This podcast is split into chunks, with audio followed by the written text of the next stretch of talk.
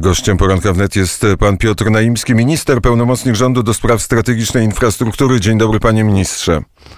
Dzień dobry Państwu, dzień dobry Panu. E, pandemia taką kurtynę stworzyła, za tą kurtyną bardzo ważne e, rzeczy się dzieją. Po pierwsze w systemie gospodarczym i ekonomicznym, o tym mówił premier Mateusz Morawiecki, że wchodzimy w, nowo, w nową ekonomię, w nowy sposób myślenia na temat gospodarki, ale być może jeszcze ważniejsze rzeczy dzieją się w energetyce. E, podpisaliśmy ostatnio, pan minister podpisał w Talinie umowę ze Stanami Zjednoczonymi na temat budowy elektrowni atomowej, czego konkretnie ta umowa dotyczy?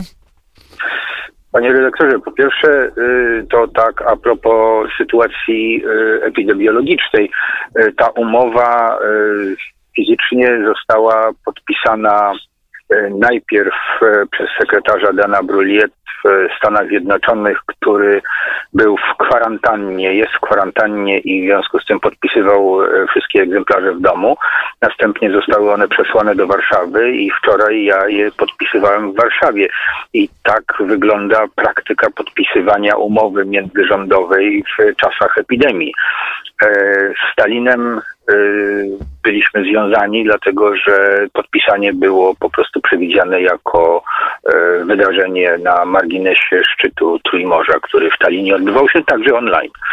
A jeżeli chodzi o e, zawartość tej umowy, to jest e, e, czy postanowienia, to, to to jest umowa, która otwiera drogę dla przygotowania przez stronę amerykańską, firmy amerykańskie oferty takiej kompleksowej oferty dla polskiego rządu, co będzie podstawą do podjęcia decyzji w naszym rządzie o wyborze technologii zastosowanej dla naszego dwudziestoletniego programu budowy energetyki jądrowej w Polsce i wyboru partnera na ten cały czas e, budowy, ale także potem już i funkcjonowania tych elektrowni. Umowa przewiduje, że w ciągu 18 miesięcy taka oferta powstanie. Ona będzie również zawierała propozycję, projekt struktury finansowania E, tego wielkiego przedsięwzięcia. E, I co warto może pod, e, zaznaczyć, prace z, po stronie amerykańskiej są finansowane przez stronę amerykańską. To jest bardzo dobra umowa, która tak naprawdę otwiera praktyczne pole do współpracy w całym tym sektorze e, energetyki e, jądrowej między Polską i Stanami Zjednoczonymi i równocześnie jest e, rzeczywiście potwierdzeniem tej decyzji, którą rząd nasz podjął, przyjmując nowelizację polskiej polityki programu dla energetyki jądrowej. 2 października ten dokument został przyjęty. No i tam e, jasno jest opisane, co zamierzamy zrobić i jaką rolę w miksie energetycznym polskim, czyli po prostu w polskiej energetyce w perspektywie nadchodzących dziesięcioleci będzie pełniła energetyka jądrowa. Za 18 miesięcy dostaniemy, e, dostaniemy propozycje ze strony e, amerykańskich firm, a przez te 18 miesięcy co Polska zobowiązała się zrobić? W Polsce e, organizujemy czy reorganizujemy, tak chyba mogę powiedzieć, firmę, która będzie realizowała cały program. To jest spółka EJ, która w tej chwili jest spółką córką koncernu PG Energetycznego, ale podpisany już jest przez Skarb Państwa. To ja byłem przedstawicielem Skarbu Państwa list intencyjny z udziałowcami tej spółki EJ i celem jest przejęcie tej spółki w 100% przez Skarb Państwa, a w perspektywie będzie to spółka mieszana, joint venture, gdzie zaprosimy do udziału partnera, który będzie wybrany, który będzie mógł uzyskać do 49% tej spółki. To jest też w tej umowie zapisane z Amerykanami? To jest zapisane y, niedokładnie i bez cyfry i i ostatecznych postanowień, dlatego że udział partner, partnera będzie przedmiotem także tej analizy finansowej, E, struktury finansowania i budżetu, który będzie elementem propozycji. I tak jak mówię, ta umowa to nie jest jeszcze wybór technologii i to nie jest jeszcze wybór partnera, dlatego że e, pozostajemy w pełnej zgodności z e, ustaleniami, regułami, prawem europejskim, traktatowym, zarówno Euroatomu, jak i Unii Europejskiej. Ta umowa była E, notyfikowana e, zgodnie z e, przepisami w Euroatomie i uzyskała tam akceptację. Bo to jest bardzo ważna decyzja, bo technologię atomową mają opanowaną w, opanowane w Europie najlepiej Francuzi. Oni też byli kiedyś chętni do tego, żeby elektrownię atomową w Polsce wybudować. Francja dysponuje rzeczywiście bardzo poważnym i historycznie ugruntowanym E, kapitałem, można powiedzieć, wiedzą, doświadczeniem w technologiach nuklearnych. Jednakże e, trzeba też i widzieć, że e, Francuzi po prostu nie są w stanie skończyć budowy rozpoczętych wiele, wiele lat temu elektrowni atomowych nowych według nowego swojego projektu, zarówno we Francji, we Flamanville, jak i w Finlandii to jest duże niepowodzenie, można powiedzieć, francuskiego sektora y, nuklearnego. Do budowy elektrowni atomowych potrzebna jest y, po pierwsze wiedza, jak to zrobić, ale e, bardzo pieniądze, ale też bardzo ważne jest miejsce. Tam y, elektrownia atomowa po pierwsze potrzebuje dużo wody, a po drugie budowa elektrowni atomowej potrzebuje akceptacji społecznej. Czy już są gdzieś wyznaczone te miejsca potencjalne, gdzie taka elektrownia atomowa może stanąć? One jeszcze ostatecznie wyznaczone nie są, ale w spółce naszej J od dawna prowadzone są prace, które zmierzają do przygotowania e, tak zwanego raportu lokalizacyjnego, czyli dokumentu, który będzie wskazywał możliwe e, i przebadane e, miejsca dla tej budowli.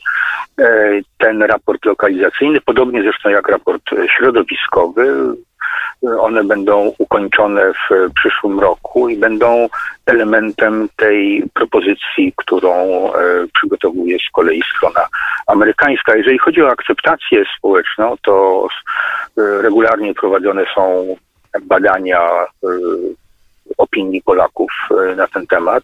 I ostatnie zlecie przeprowadzane wskazuje, że 57% e, nas wszystkich w Polsce e, popiera budowę elektrowni jądrowej, a na wybrzeżu, w okolicach nadmorskich, gdzie rozpatrywane są te możliwości, to poparcie jest jeszcze większe będzie potrzebnych. Jak pan minister ma taką wizję, to kiedy ta elektrownia atomowa ruszy? Przewidujemy w programie, że pierwszy reaktor ruszy w 2033 roku. To wydaje się odległy termin, 13 lat, ale tak naprawdę e, to wszystko jest e, bardzo e, zwarte i musimy w tym programie bardzo uważnie dotrzymywać harmonogramów E, bo każde najdrobniejsze na początku opóźnienie może skutkować e, dużym e, w przyszłości, ale jest to możliwe. Są takie przykłady, precedensy, kiedy to w ciągu 10 lat cztery reaktory zostały wybudowane. Tak, tak stało się w Emiratach Arabskich na przykład. E, ta umowa została, miała być podpisana e, w Talinie. Wczoraj pan minister złożył e, podpis ostateczny pod tą umową z Amerykanami, ale Tallin to było spotkanie Trójmorza. Czy ta elektrownia atomowa i wytwarzany prąd elektryczny w tej elektrowni ma służyć też Litwie, Łotwie, Estonii, innym państwom Trójmorza?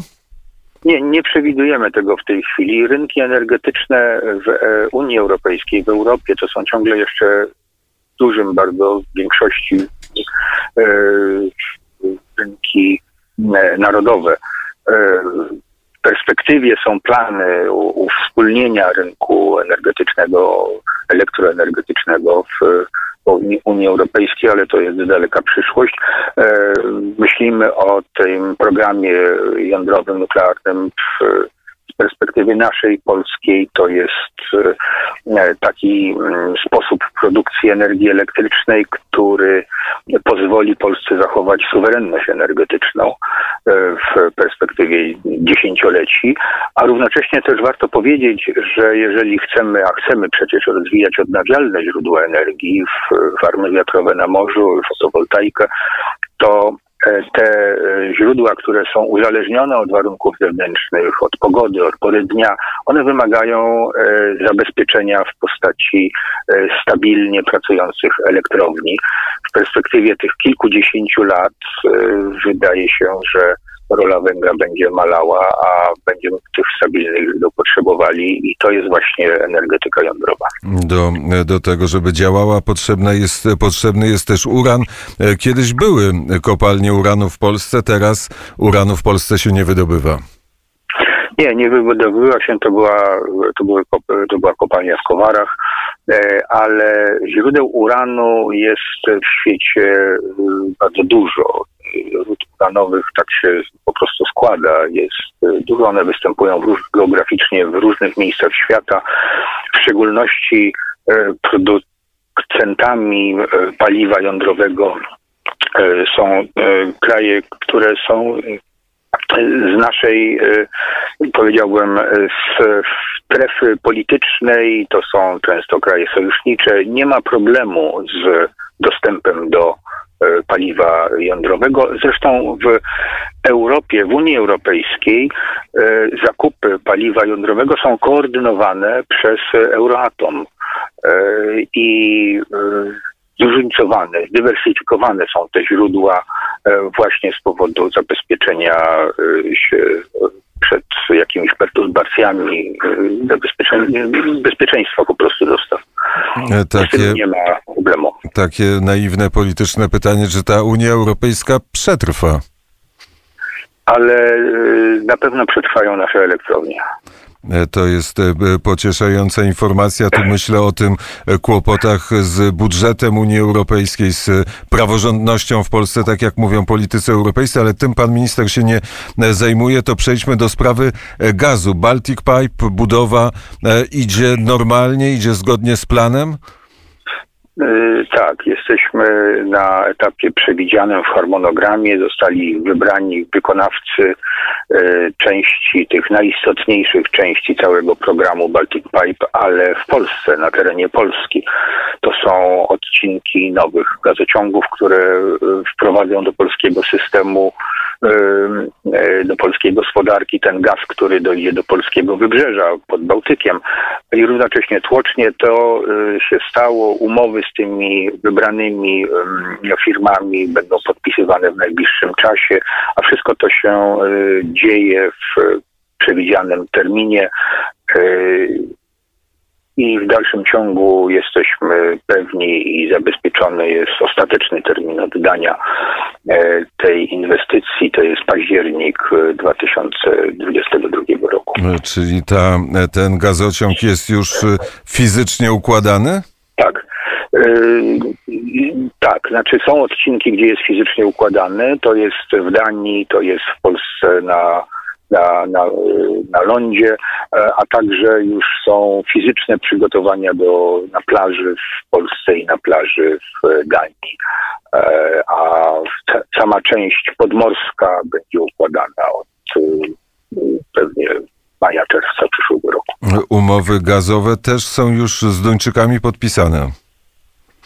Tym się zajmuje e, PGNiG. E, PGNiG jest e, tutaj z firmą, która te kontrakty negocjuje, podpisuje i zbiera ten portfel zamówień, który pozwoli wykorzystać tę trasę przesyłową.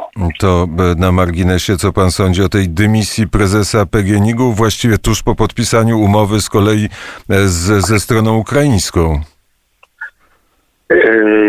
Ja Sądzę, że to jest e, kwestia analiz przeprowadzanych przez e, aktywów państwowych e, i w spółce połączenie PGNiG-u z Orlenem ułatwi tą całą, te, u, ułatwi zarządzanie takim koncernem? Ja y, mam nadzieję, że wszelkie, wszystkie funkcje, które są wypełniane przez PGNiG, czyli zapewnienie kontraktowego za bezpieczeństwa, jeżeli chodzi o dostawy gazu do Polski z importu, będą utrzymane, a również chodzi o to, by PGNiG każdej konstelacji organizacyjnej był w stanie doprowadzić gaz do polskich odbiorców, był w stanie rozszerzać swoją sieć przesyłową, dystrybucyjną, tak żeby każdy, kto w Polsce będzie chciał mieć dostęp do, do, do gazu, mógł to uzyskać. Jeszcze była taka, czy jest taka informacja na temat decyzji Łokiku, który nakładał duże e, kary na, na rosyjskiego dostawcę, na Gazprom. To są e, dziesiątki miliardów e, złotych. O tym, co pan minister myśli? To jest wypełnianie, skutek wypełniania przez pana prezesa Łokiku obowiązków, które na tej instytucji ciążą. E, zostały popełnione błędy przez inwestorów Nord Stream 2 i te błędy zauważył, przeanalizował nasz polski UOKiK i ma prawo, ponieważ jest, jest instytucją uczestniczącą w monitorowaniu tej tego rodzaju inwestycji zareagował nakładając kary. No cóż, jeżeli ktoś chce łamać prawo europejskie, to musi ponosić konsekwencje. A jak skuteczna może być egzekucja e, takiego, e, takiego orzeczenia? To pokaże praktyka bo PGNiG skutecznie wyegzekwował od Gazpromu, od Gazpromu odszkodowanie. Panie ministrze, w czasach pandemii jak pan się czuje? Ja się czuję, dziękuję bardzo, bardzo dobrze. Ja już mam za sobą e, e, tak powiem, chorobę wirusową. E, na szczęście przeszło to dość, powiedziałbym, łagodnie, porównując z innymi osobami, które naprawdę ciężko to przechodzą, ale ja już jestem po. A nadzieja na to, że gospodarka przetrwa w panu ministrze jest? Bardzo duża jest i wydaje się, że w polskiej gospodarce no, ten kryzys oczywiście się odbija, to jest y, oczywiste, ale też i przechodzimy ten kryzys y, naprawdę dość dobrze. Jeżeli się okazuje, że produkcja przemysłowa w Polsce faktycznie rzecz biorąc no, rośnie w tej chwili, takie są ostatnie dane, to znaczy, że gospodarka się przystosowała do tych nowych warunków, czy przystosowuje do tych nowych warunków. To jest, czyli mamy pewną elastyczność, którą wykazujemy. To jest bardzo dobrze. E, też kosztem dużego deficytu budżetowego. To jest prawda, ale e, to jest rola państwa, e, rola rządu, żeby w takich sytuacjach kryzysowych reagować i lepiej jest nawet kosztem deficytu wysokiego budżetowego wesprzeć gospodarkę, wesprzeć e, firmy, które tego potrzebują, niż doprowadzić do ich e, upadku, a potem przez długi, długi czas e, płacić za ich odtwarzanie. Panie ministrze, to jeszcze na zakończenie pytanie, czy ta strategiczna decyzja odejścia od węgla kamiennego, wiemy 2049 zamknięcie ostatnich kopalni, ale wygaszanie e, systemu opartego e, na węglu, czy ona e, na pewno jest słuszna i przetrwa próbę czasów? To jest to jest kwestia związana oczywiście z polityką europejską, polityką, polityką tak zwaną klimatyczną, strategią energetyczną w Europie. E, ale harmonogram e, no, odchodzi, transformacji, tak to powiem, e, naszego sektora węglowego i w ogóle całego regionu śląskiego jest wynikiem tego, że wydaje się już dającej się przewidzieć już w przyszłości. Nie będziemy budowali nowych bloków energetycznych, nowych elektrowni opartych na kamiennym węglu. E, a to oznacza, że te, które istnieją, jest ich ciągle jeszcze przecież bardzo dużo, ale one mają swój czas życia, technicznie czas życia i będą musiały być zamykane. To się rozłoży na długie lata, jednakże e, będzie oczywiście skutkowało zmniejszonym zapotrzebowaniem na węgiel pochodzący z polskich kopalń. To jest powiązane jedno z drugim, a także oczywiście i z e, trzecim w tej chwili bardzo ważnym czy najważniejszym elementem, to znaczy planem dla, e, programem, strategią dla e, Śląska, dlatego że przecież musimy tam zbudować e, nowe gałęzie gospodarki. Dużo mówiliśmy o tym, że bezpieczeństwo energetyczne Polski zależy właśnie od węgla kamiennego. Teraz przyzwyczajamy się do tego, żeby myśleć inaczej. To jest y, prawda. E, przy czym ta perspektywa jest bardzo długa, ale rzeczywiście będziemy w tej transformacji czy przekształceniu, będziemy stopniowo zastępowali to, co no, specjaliści mówią, że jest e, produkcją w podstawie e, energii elektrycznej, czyli czyli te elektrownie, które mogą pracować bez przerwy w sposób niezakłócony i dostarczać prąd niezależnie właśnie od e, tych pogodowych, e, powiedzmy, nawet perturbacji. Otóż, że tutaj będziemy stopniowo zamieniali, znaczy będzie zmniejszało się, zmniejszał się udział e, energii pochodzącej z węglowych elektrowni, a zwiększał się udział pochodzący z elektrowni gazowych, a następnie nuklearnych. Czuje pan minister, że podejmowane teraz decyzje będą ważne dla co najmniej dwóch pokoleń Polaków? One będą ważne rzeczywiście bardzo, bardzo długo. E, mamy tego świadomość i dlatego, dlatego one są bardzo dokładnie analizowane. E, no, jesteśmy w sytuacji, w której staramy się znaleźć taką drogę dla przekształcenia polskiej energetyki, no i dużej części w rezultacie gospodarki, która będzie zachowywała polskie interesy, polską suwerenność, także bezpieczeństwo, bezpieczeństwo energetyczne, ale też i będzie akceptowalna ta polska droga, trochę inna ona będzie niż ta, która generalnie jest e, przyjmowana w Unii Europejskiej. My mamy tam możliwość e, wynegocjowania e, własnych rozwiązań i będziemy do tego dążyli.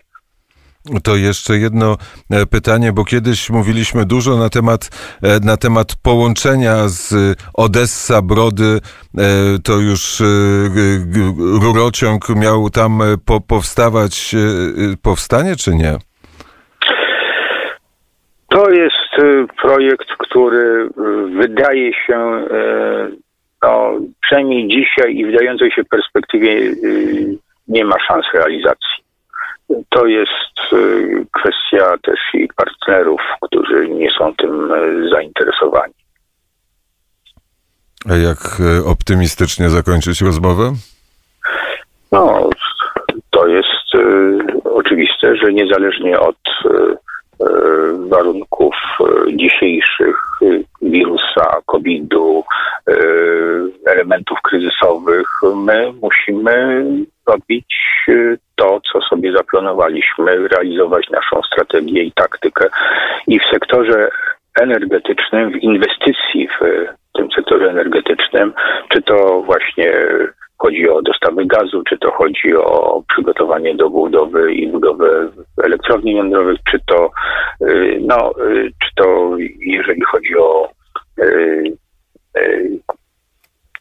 no, bieżący działanie związane z funkcjonowaniem y, tych y, instytucji i tych y, miejsc ważnych dla bezpieczeństwa energetycznego. To są elektrownie, to są właśnie tłocznie gazu, to, są, to jest Krajowa Dyspozycja Energii Elektrycznej, czyli operatorzy PSE, Gaz System. Te firmy funkcjonują bez zakłóceń, są przygotowane także na czas epidemii i tutaj jesteśmy bezpieczni. Bardzo serdecznie dziękuję panie ministrze za rozmowę. Dziękuję bardzo. Piotr, Piotr Naimski, pełnomocnik rządu do spraw strategicznej infrastruktury, był gościem poranka wnet na zegarze godzina 8.35. Za chwilę rozmowa z Adamem Prokopowiczem, też profesorem na temat wyborów amerykańskich i wczorajszej debaty, ale zanim to się stanie, posłuchamy zespołu The King.